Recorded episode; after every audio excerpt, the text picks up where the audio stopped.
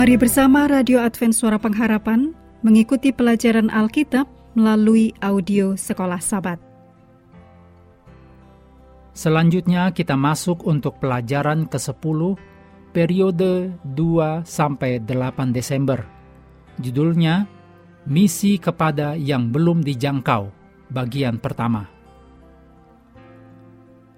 Mari kita mulai dengan doa singkat yang didasarkan dari Wahyu 4 ayat 11.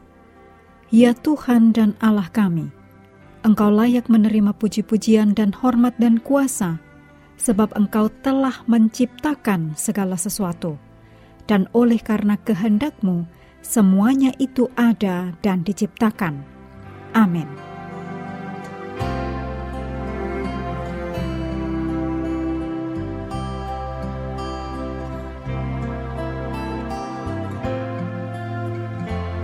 Untuk sahabat petang, bacalah untuk pelajaran pekan ini dalam kisah para rasul 17, juga 1 Korintus 2 ayat 2, Roma 1 ayat 18 sampai 25. Ayat hafalan Kisah para Rasul 17 ayat 24.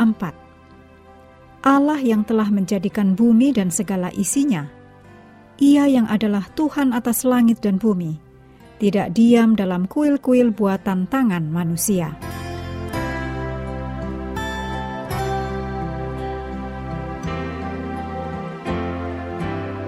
Ketika menggambarkan apa yang dilakukan Paulus di Athena, Lukas menulis dalam kisah para rasul 17 ayat 17. Karena itu, di rumah ibadat, ia bertukar pikiran dengan orang-orang Yahudi dan orang-orang yang takut akan Allah, dan di pasar setiap hari dengan orang-orang yang dijumpainya di situ. Secara alami, Paulus akan sangat nyaman bekerja di kalangan orang Yahudi, darah dagingnya sendiri. Tetapi Paulus menolak untuk merasa puas dengan hanya bekerja di antara bangsanya dia telah dipanggil untuk menjangkau bangsa lain juga. Atau Paulus bisa saja hanya bekerja bagi orang yang bukan Yahudi yang takut akan Allah, ketika cara pandang mereka telah mengalami perubahan yang cukup signifikan. Mereka telah memiliki sebuah dasar kitab suci, sehingga Paulus bisa membangun atas dasar tersebut, walaupun jika mereka masih perlu untuk mengenal Allah yang mereka takut kepadanya, yaitu Yesus Sang Mesias.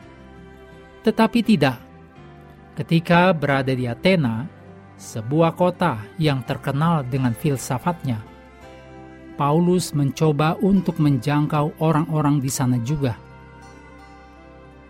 Banyak dari orang-orang ini memiliki latar belakang dan cara pandang yang secara radikal berbeda dengan orang-orang Ibrani dan dengan sejarah sucinya yang telah membentuk fondasi iman yang Paulus ingin ajarkan kepada orang-orang Athena ini.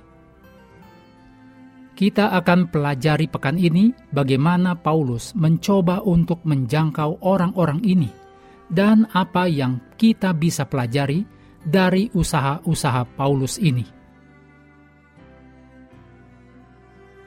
Mengakhiri pelajaran hari ini, kami terus mendorong Anda bersekutu dengan Tuhan setiap hari, bersama dengan seluruh anggota keluarga, baik melalui renungan harian, pelajaran sekolah sahabat, dan bacaan Alkitab sedunia, percayalah kepada nabi-nabinya, yang untuk hari ini melanjutkan dari Yesaya pasal 9. Tuhan memberkati kita semua.